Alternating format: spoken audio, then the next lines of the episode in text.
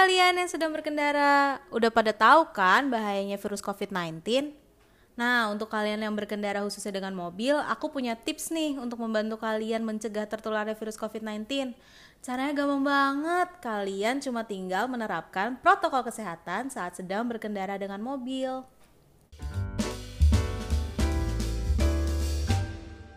Apa aja sih protokol kesehatan itu? Yang pertama, kalian harus berkendara dalam keadaan sehat. Lalu, untuk kalian yang memiliki mobil pribadi, lakukan penyemprotan disinfektan sebelum dan sesudah berkendara.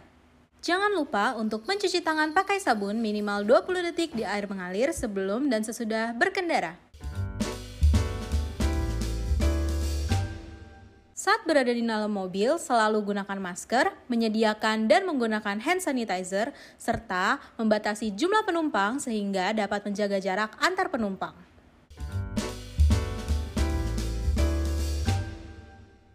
Yang terakhir, jangan lupa untuk sampaikan pesan ini ke teman berkendara kalian agar kita semua dapat terhindar dari virus COVID-19.